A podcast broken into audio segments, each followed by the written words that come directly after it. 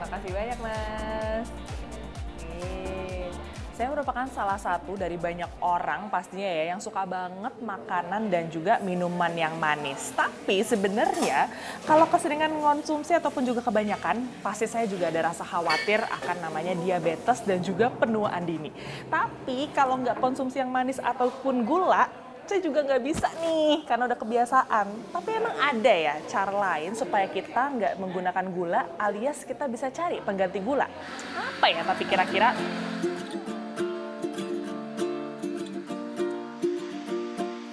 Tak dapat dipungkiri, semua orang membutuhkan gula untuk tubuhnya karena gula merupakan salah satu sumber energi bagi tubuh untuk mendukung aktivitas.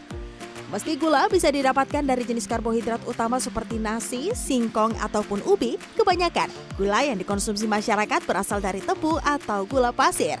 Selain lebih mudah diperoleh, rasanya yang manis menjadi alasan gula pasir banyak dicari. Eits, tapi jangan berlebihan ya. Kementerian Kesehatan menyebut konsumsi gula tentu perlu dibatasi, yakni 50 gram per hari, yang setara dengan 4 sendok makan orang dewasa. Ingat, ada bahaya dan resiko obesitas, diabetes, dan penyakit metabolik lain kalau kebanyakan mengonsumsi gula. Memiliki anggota keluarga yang mengidap diabetes sejak 2015, Fadli Amri terus berupaya mencari tahu cara untuk mengurangi resiko diabetes.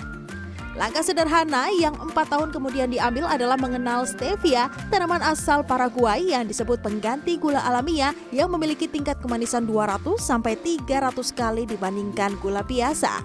Belum banyak di Indonesia yang membudidayakannya.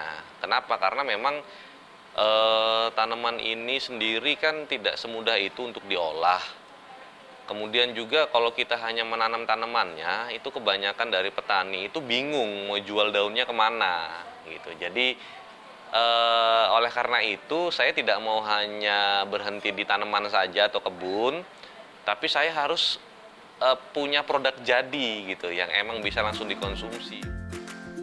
Kini Fadli bekerja sama dengan petani di daerah telah menggarap tiga lahan kebun stevia yakni di Karanganyar, Jawa Tengah, Legok, Banten, dan Bandung, Jawa Barat. Tanaman stevia disebut subur dan baik ditanam di lahan dengan ketinggian 1000 meter di atas permukaan laut. Kualitas daun dan tumbuhan stevia mesti terjaga agar hasil rasanya tetap manis, bukan cenderung pahit maupun kesat.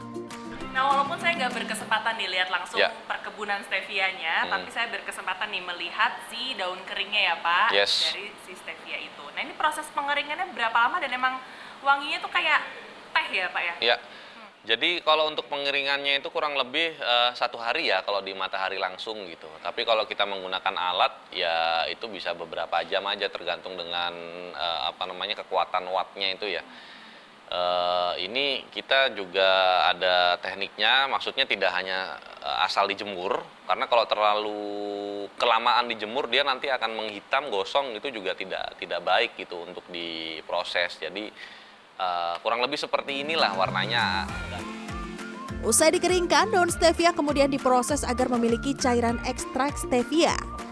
Karena tingkat manisnya jauh lebih tinggi, pola konsumsi disarankan 1-2 tetes saja dalam satu gelas teh.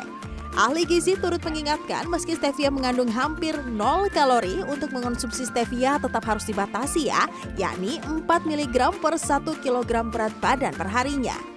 Uh, rendah kalori pastinya, Kemudian dia tidak mengandung karbohidrat dan dia memiliki indeks glikemik yang rendah sehingga dia aman dikonsumsi oleh bahkan ya oleh penyandang diabetes. Nah, jadi ya kalau misalkan kalori kan tadi hubungannya dengan peningkatan berat badan saja. Nah, tapi kalau misalkan yang tadi uh, indeks glikemik yang meningkatkan gula darah tadi itu memang hubungannya dengan penyakit-penyakit metabolik kayak diabetes, kemudian penyakit jantung dan yang lain-lainnya dan juga termasuk tadi penuaan dini.